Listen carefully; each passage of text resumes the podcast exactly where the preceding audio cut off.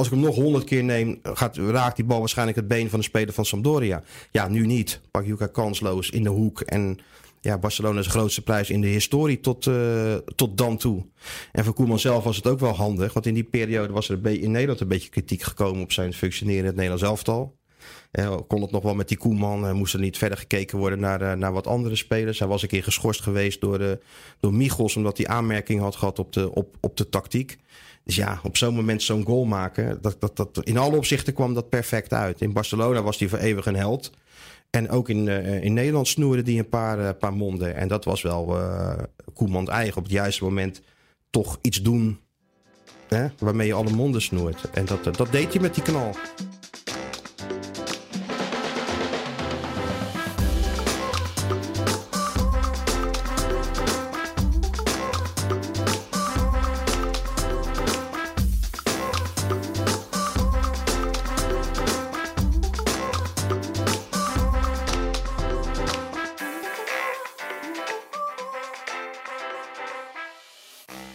Journalistiek, de podcast van Voetbal International. Ja, ook nog steeds in coronatijd. Maar tegenover mij, anderhalve meter ongeveer, Martijn Krabbedam. En naar de kapper geweest? Ja, een frisse look. Ja joh, eindelijk. Was nodig, hè? Dat was ja, nodig. Een pruik, dat geloof je gewoon bijna niet. ik zou naar die kapper gaan, zeg maar, uh, op het moment dat, uh, dat alles uh, dicht ging. En dan, de, ja, we zitten tussen, een weekje of vier, dus het was altijd. Nou, er komt er nog eens acht weken overheen.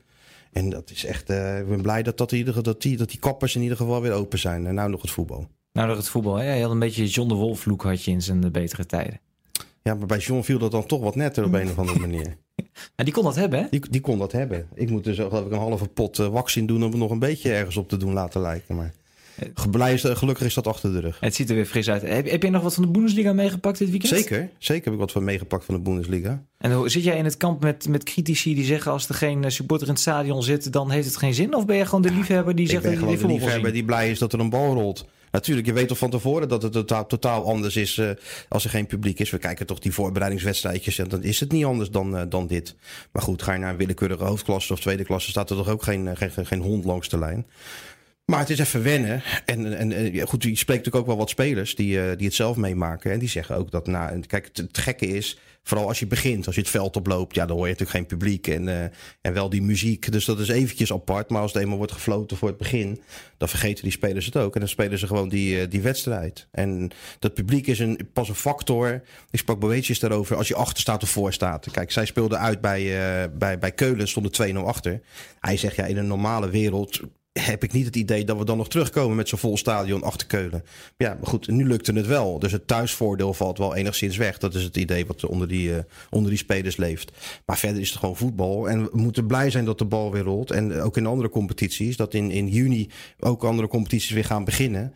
Dan heb je weer het idee van dat er een, uh, ja, dat, dat de sport weer, uh, weer begonnen is. En dan hopen maar dat het qua publiek en zo, dat het snel weer wat kan worden toegelaten. We krijgen toch gewoon een heerlijke sportzomer als ik het zo beluister. Welke competities nog willen starten. Dat wordt toch heerlijk? Laten we blij zijn.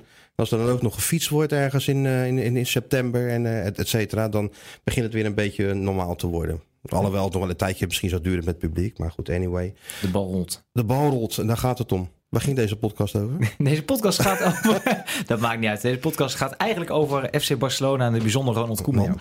Ja. Uh, wij werken bij VI al langere tijd met themanummers. Uh, ja, onderwerpen die we eigenlijk een beetje kunnen ja, uitdiepen. Waar we al uh, nou, langere tijd mee bezig wilden zijn, maar door de actualiteit niet aan toe kwamen.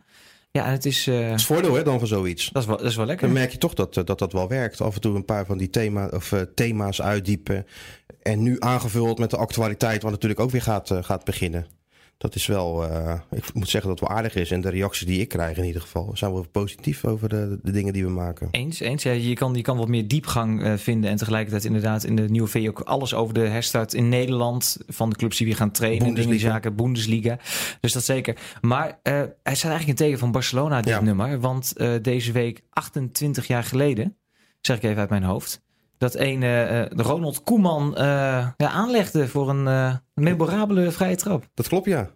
Ja, dat, wat, wat vliegt de tijd dan? Ja, 28 jaar geleden. Tegen Sampdoria, finale Europa Cup 1. En Barcelona had tot, tot die tijd dat nooit gewonnen. Het is nu moeilijk voor te stellen, maar Barça was in die tijd gewoon een club. Die moest alles aan Real Madrid halen, laten. Die, eh, als de competitie begon, wisten ze wel dat 9 van de 10 keer Madrid die titel zou pakken. En eens in de zoveel tijd ging die een keer naar, uh, naar Barcelona. En wat hadden ze gewonnen? Europa Cup 2 en de jaarstedenbeursbeker. En dat was het dan wel zo'n uh, zo'n beetje. Ja, tot Koeman met, dat, met die ene droge knal natuurlijk eigenlijk wel heel veel veranderde. En ook ja, Barcelona daar echt mee op, op, op de kaart zetten. Ze hadden de kans natuurlijk in 86 al gehad. Iedereen kan die wedstrijd misschien ook nog wel herinneren. Met die gekke Roemeense keeper Dukadam. Die in Sevilla notabene werd die, die finale gespeeld ja, het was een kwestie van even ophalen, die cup. Maar dat liep, dat, dat, dat liep anders. Ja, dan, dan zes jaar later is het eindelijk zover. En wel mooi dat de Nederlander daar natuurlijk ja, de aanzet toe heeft gegeven met die, met die, met die droge knal. Ja, en inmiddels weten we allemaal wel, we kennen de liefde, laat ik het dan zo stellen, tussen Barcelona en Ronald Koeman. Uh, jij hebt een verhaal gemaakt waar je eigenlijk het beginpunt pakt, uh, oudjaarsdag 1988. Ja. Ronald Koeman dan nog gewoon speler van PSV.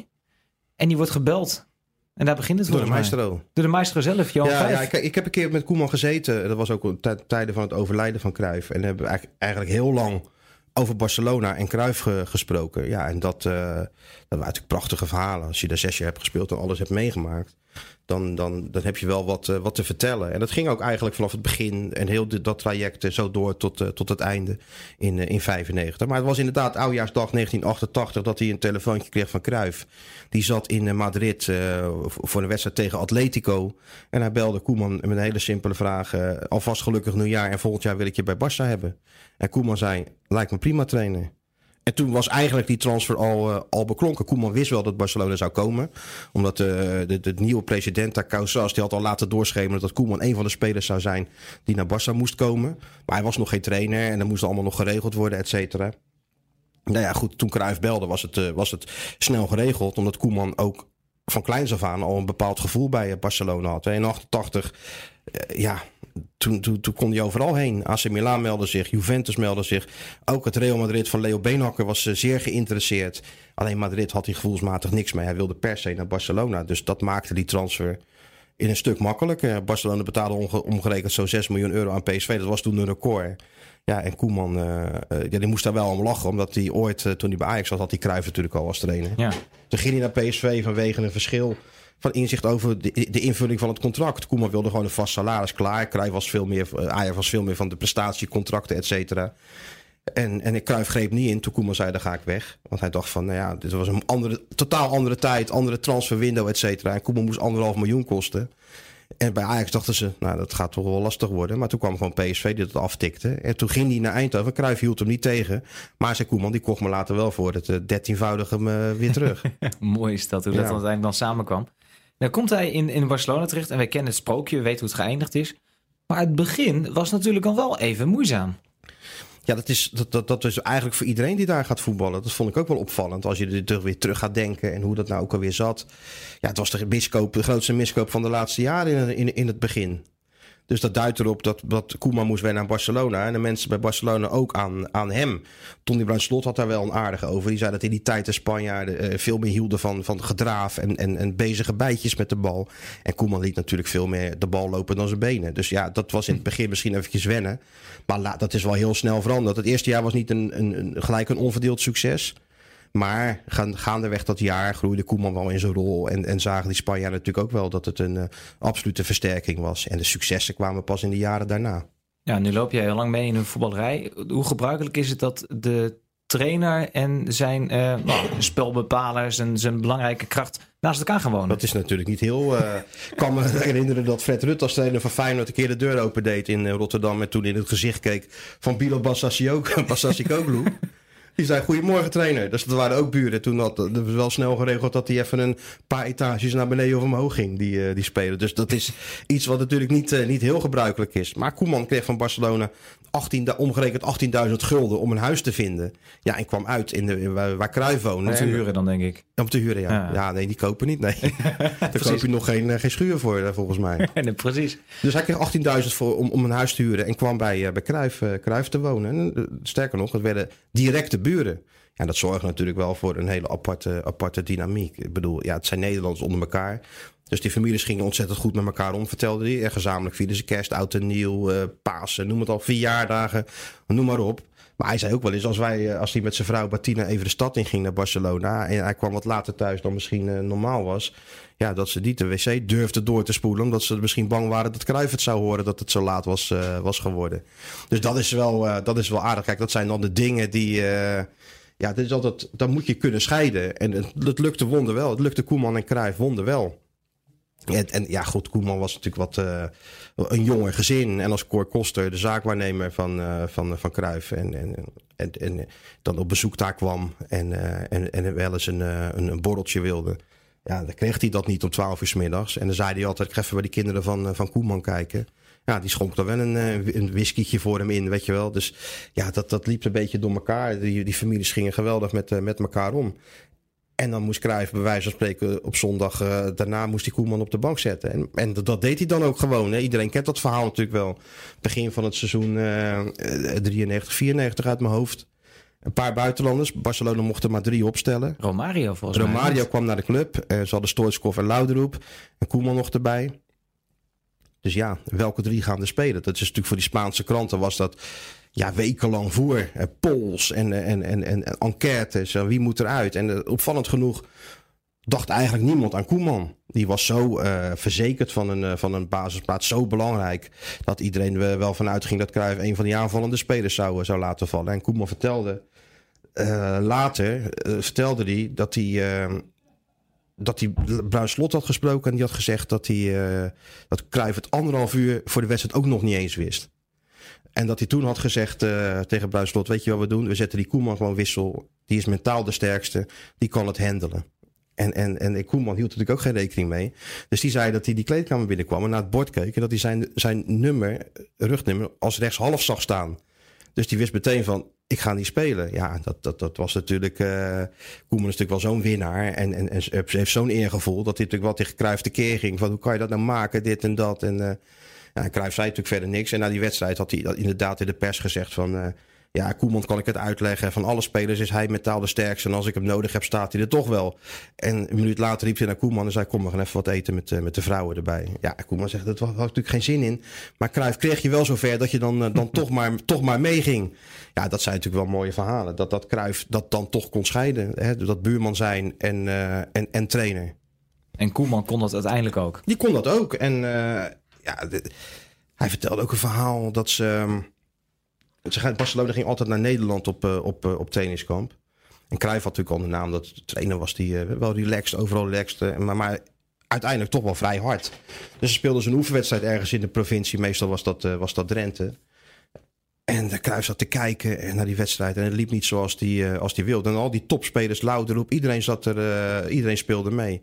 En er stond nog 0-0 na 20 minuten bijvoorbeeld. En dan zei hij tegen zijn, tegen zijn fysieke trainer... laat het andere elftal maar alvast warm lopen. Dus die liepen dan warm. En, en tien minuten later had hij de mazzel, zei Koeman, dat er niet werd gescoord. Dat het nog steeds 0-0 was. Nou, uh, grensrechter met die vlag omhoog, wissel. En die spelers op het veld dachten, nou wie gaat er dan van ons uit? Nou, allemaal. Heel het elftal eruit. Ik geloof dat alleen de keeper mocht blijven staan. En een totaal nieuw elftal uh, erin. Dus ja, dat was wel de verhalen die, die wel, wel leuk zijn om te horen. Om te zien hoe Cruijff nou in die tijd werkte bij Barcelona. Dat, eigenlijk komt er erop neer dat er niet eens een, een, een geweldig masterplan achter zat. Maar dat hij heel veel op gevoel deed. En voelde van, nou, nou moeten we daaraan werken. Dus gingen ze daaraan werken. De, Bruin Slot had dan een hele training voorbereid. Maar Cruijff pakte de, de basisspelers van Barcelona en ging aan de slag. En zei dan tegen Bruin Slot... Nou, over een half uurtje dan gaan we met de training beginnen. Maar ja, dat liep dan zo goed. Of hij zag zoveel goede dingen. Dat ze anderhalf uur later nog steeds bezig waren. Ja, dat is natuurlijk wel, uh, wel grappig. Dat het niet altijd maar in... Uh, ja, vastgegoten plannen moet, moet zitten. Maar dat, uh, dat, dat Cruijff in staat was om vanuit zijn hoofd en van wat hij zag heel veel te vertalen naar, naar het veld. En, en, en daar gewoon met de beste spelers aan de slag ging. Ja, en er gewoon een dreamteam van, uh, van maakte. Want zo was het natuurlijk wel. Barcelona speelde uiteindelijk geweldig voetbal in die periode. Er werd niet voor niks vier keer op rij kampioen en won de Europa Cup 1. Precies, het voetbal waar die verstand. Je hebt het over de, de gevoelsman Cruijff. Ik vond ook een mooie anekdote over toen de zoon van Koeman geboren werd. Kun je dat nog even uitleggen? ja, hoe hard Cruijff is, maar tegelijkertijd ook hoe menselijk. Ja. Nou ja, eh, in die tijd vloog Barcelona niet met privévliegtuigen naar uitwedstrijden, maar pakten ze gewoon een lijnvlucht of zo, weet ik veel. En ze moesten naar Santander, dat is in het uh, Baskeland. En dat is toch wel een eindje weg van, van Barcelona. Maar die wedstrijd werd gespeeld, zeg maar op de dag voordat de vrouw van, van Koeman werd uitgerekend, was uitgerekend voor de geboorte van hun zoon Tim. Dus ja, dan zit je als speler toch een beetje in dubio. Van, uh, moet ik niet thuis blijven om die bevalling af te wachten? Je weet natuurlijk maar nooit of dat uh, dan gaat gebeuren. Maar Koeman moest mee van Kruif. Eh, om, om, om, om die wedstrijd te spelen. Ja, die zat toch wel een beetje mee van... Uh, ja, dan, dan na de wedstrijd overnachten in het hotel. Want we gaan niet gelijk terug. En dan de volgende dag terugvliegen. En dan moet je maar hopen dat je, dat je op tijd bij die bevalling bent. Dus Koeman speelt die wedstrijd. Is dan gedoucht. En, af, en, en na afloop komt Cruijff naar hem toe en zegt: Kom Ronald, we gaan. Bleek dat Cruijff een vriend van hem met zijn Mercedes Station wagen vanuit Barcelona naar Santander had laten rijden. Om samen met Koeman uh, direct naar de wedstrijd terug te kunnen naar Barcelona. En Koeman vertelde: Ja, dat was gewoon 800 kilometer. Maar zeker in het Baskeland is het berg op, berg af. Uh, smalle, smalle weggetjes, haarspeldbochtjes. Ja, die nam Cruijff dan met een sneltreinvaart. En, en zes, zeven uur later waren ze in Barcelona ruim op tijd voor Koeman om bij die bevalling te kunnen zijn. Dus ja, dat was. En, en Koeman zei later dat, dat je trainer dat voor je doet, hè, dat vond hij wel heel bijzonder. En dat is het natuurlijk ook. En dat zegt ook wel iets over hoe, uh, ja, hoe de band was tussen Cruijff en, en Koeman in die tijd. Ja, en over de trainer en de mens Johan Cruijff, denk ik. Ja, zeker. En ja, het is ook wel grappig dat, uh, dat Barcelona natuurlijk zo goed was. En dat er, als er dan nieuwe spelers kwamen, dat is altijd liet kennismaken met hoe goed dat... Kijk, je ziet natuurlijk van de buitenkant, heb je wel een indruk van... nou, die spelen goed positiespel. Hè, als, als nieuwe speler denk je van... Dat, dat is benieuwd hoe dat dan is. Maar dan liet hij dus de, de vier, uh, bij spreken vier aankopen. Liet hij positiespel te, spelen. Tegen vier basisspelers van, uh, van, van Barcelona. En dan ging hij zelf met Redschach en hij ging op, op, op de kopse kant staan. Bij de ploeg in, uh, in balbezit. Dus had je eigenlijk zes tegen vier. Ja, en Koeman zei dan, dan die nieuwe spelers. Die stonden dan gewoon soms twintig minuten in het midden. Om te kijken hoe die bal rondging. En dan kwamen er gewoon, gewoon niet tussen. En daarmee liet hij ze kennis maken met, met, met het Barcelona. Ja, zoals hij dat zelf had had, had, had georchestreerd. Dus zijn Barcelona. En hoe hoog het niveau eigenlijk was. En hoe het positiespel werd gespeeld. Dus die nieuwe spelers stonden eigenlijk meteen met beide voeten op de grond. En wisten dat ze nog wel wat stapjes moesten maken voordat ze daar echt konden, konden aansluiten. Voor je dat niveau uiteindelijk kan bereiken. Ja. Hey, het absolute hoogtepunt is dan toch die, uh, ja, die wedstrijd, wat nu dan 28 jaar geleden is. Ja. Uh, hoe kijkt Koeman terug op die dag? Hoe bijzonder was dat? Het is natuurlijk heel bijzonder. Uh, ja, goed, ik kom die wedstrijd ook. Jij misschien ook nog wel in, in die lelijke oranje tenues dat ze toen, uh, toen speelden.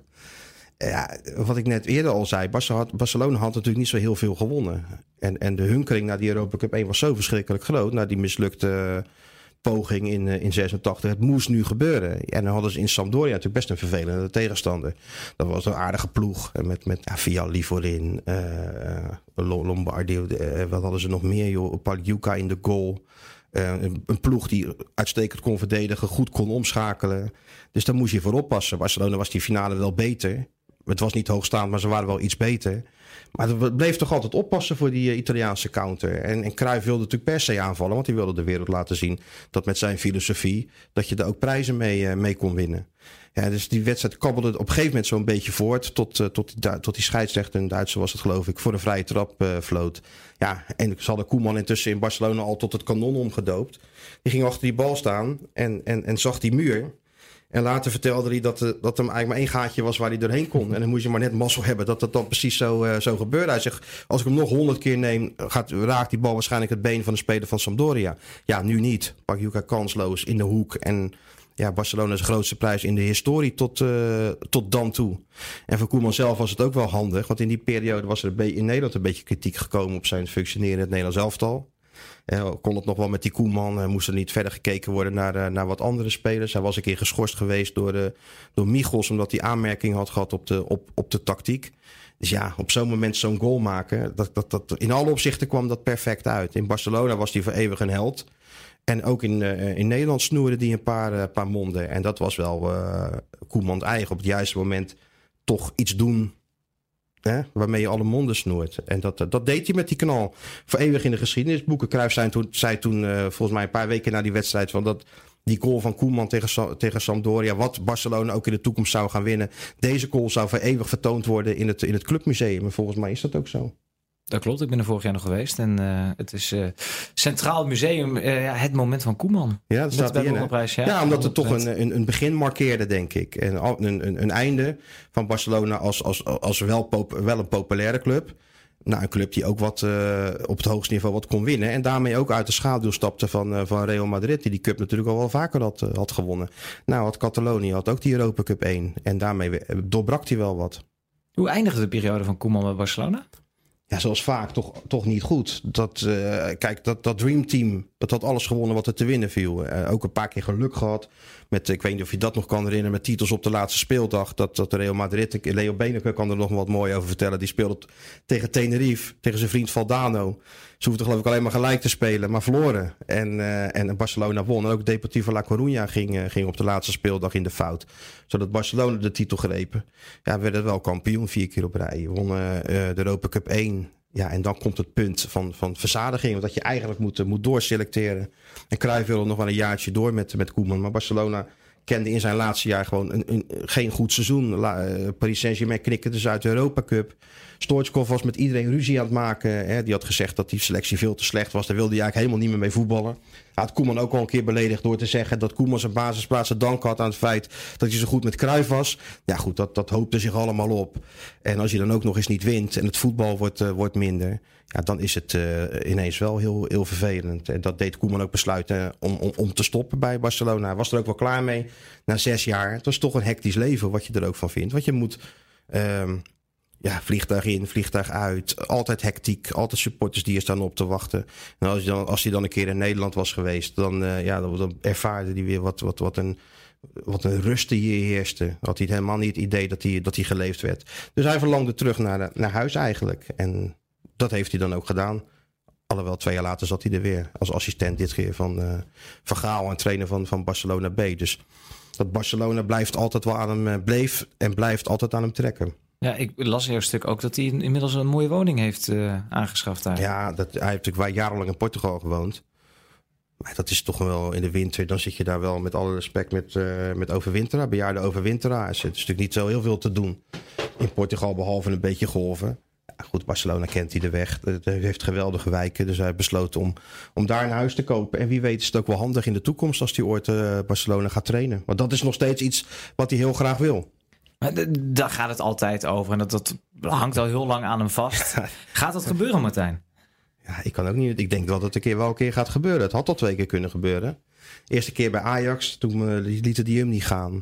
Ja, en nou afgelopen januari melden ze natuurlijk om, uh, om, om, daar trainer te worden. Maar toen heeft hij zich geconformeerd aan zijn contract met Oranje... om pas na het EK eventueel een, stap te gaan maken. Hij heeft ook niet voor niks die clausule erin staan dat hij voor Barcelona weg kan. Dat had hij bij min of meer elke club waar hij aan het werk was. Als Barcelona komt, moest hij de mogelijkheid hebben om weg te kunnen. Ja, dat zegt natuurlijk wel heel veel. Hè, als je dat zo graag wil. Van beide kanten. En het is een tijdje weg geweest, die, uh, die ambitie. Koeman heeft natuurlijk ook als trainer heel veel gewonnen. Maar tegelijk best wel wat klappen geïncasseerd. Hè? Ontslagen bij, bij Valencia, ontslagen bij AZ twee keer achter elkaar, ja, dan loop je carrière wel even een knauw op. Hij heeft dat zelf omgedraaid door bij Feyenoord geweldig te presteren. En die club tot leven te wekken en, terug te brengen naar de Nederlandse Nederlandse top. Eigenlijk hetzelfde kunstje te flikken bij Southampton. Europees voetbal halen, record aantal punten. Uh, geweldig voetbal in die, in, in die periode. Daarna Everton naar Europees voetbal uh, geleid. Nu weer Oranje. Ja, dan komt je ambitie keert dan ook weer automatisch terug. En, en Barcelona is dan misschien even weg geweest. Maar natuurlijk nooit helemaal verdwenen uit zijn systeem. Vandaar ook dat die, uh, dat die clausule erin staat. En dat hij nog steeds hoopt om op een dag trainer te zijn van, uh, van Barcelona. En ik sluit niet uit dat dat gaat gebeuren. Hoeveel moeilijker is het nou dat het EK van 2020 naar 2021 is gegaan? Ja, ik heb geen idee. Barcelona heeft nu toch ook een trainer. Dus ja, uh, dat topvoetbal valt niet te plannen. Er kan zoveel gebeuren. Dus ja, goed EK met Oranje. Goed, dat, dat, dat zou Koeman natuurlijk ook enorm uh, helpen. Maar Barcelona kennen ze intussen, kennen ze hem wel intussen. Zijn carrière hebben ze natuurlijk wel gezien. Ze weten waar hij voor staat. Dus helemaal afhankelijk is het natuurlijk ook niet. Het zou alleen wel helpen. Ja, maar die, die cirkel gaat een keer rondkomen. Ik hoop het voor hem. Als iets, uh, kijk, en de Koeman heeft natuurlijk wel één karaktereigenschap. Die heeft al zijn dromen zo'n zo, zo beetje wel waargemaakt. Dus nou, nog één droom te gaan heb ik ook boven dat stuk gezet. En uh, ja, wie weet lukt dat in uh, 2021. Ja, tot slot. We hebben het heel veel over 28 jaar geleden en over zijn periode bij Barcelona. Hoe is het nu met de bondscoach? Um, het gaat volgens mij goed met de bondscoach. Uh, ik heb even kort gesproken en hij, hij, voelt zich top. Hij voelt zich goed. Hij is natuurlijk, hij is natuurlijk in het ziekenhuis ja, geweest. ziekenhuis geweest. Uh, hij voelt zich goed. En uh, ja, het is een kwestie van nu revalideren, herstellen. Maar ik denk dat, dat daar hoef je geen, geen zorgen om te maken. Ik denk dat als de Oranje weer gaat beginnen, wanneer het ook is. De bedoeling is eind, eind augustus, begin september. Dan staat er gewoon een, een, een, een opgewekte en, en herstelde bondscoach. De man die 28 jaar geleden heel Barcelona liet juichen. Ja, de man die uh, zijn droomclub, Barcelona, wat was het natuurlijk als, als, als kind dat hij een poster van, uh, niet van Cruijff, maar van Neeskens. Dat is ook wel aardig. Had hij op zijn, op zijn kamer van Johan Segundo, daar was hij fan van. Ja, die club, die schiet hij dan naar het uh, tot dan grootste, ja, grootste prijs in de, in de, in de clubhistorie. Prachtig. Dat is toch mooi? Dat is een mooi verhaal dat, dat dan, een Nederlander dat dan doet. En het zegt wel iets over de band tussen Barcelona en, en Nederland. Geloof 23 spelers hebben daar gespeeld. Ik was bij de presentatie van Frenkie de Jong eh, vorig jaar juli. En toen sprak die president Bartomeu, zei het ook, dat hij blij was dat er eindelijk weer eens een, een speler uit het land van Cruijff en Koeman naar, naar Catalonië kwam. Dus dat, dat zegt wel iets. Ik denk dat die band voor altijd zal blijven. Ja, veel meer over die band tussen Nederland en Barcelona. Al die Nederlandse spelers uh, in de VI van deze week en op VI Pro. Ja, en ook dit verhaal van ja, Ronald Koeman in Barcelona opgetekend door Martijn Krabbedam. Gaat zeker even lezen. Zowel in het magazine, woensdag gewoon in de winkel of op de deurmat en op VI Pro. Martijn, dankjewel. Graag gedaan.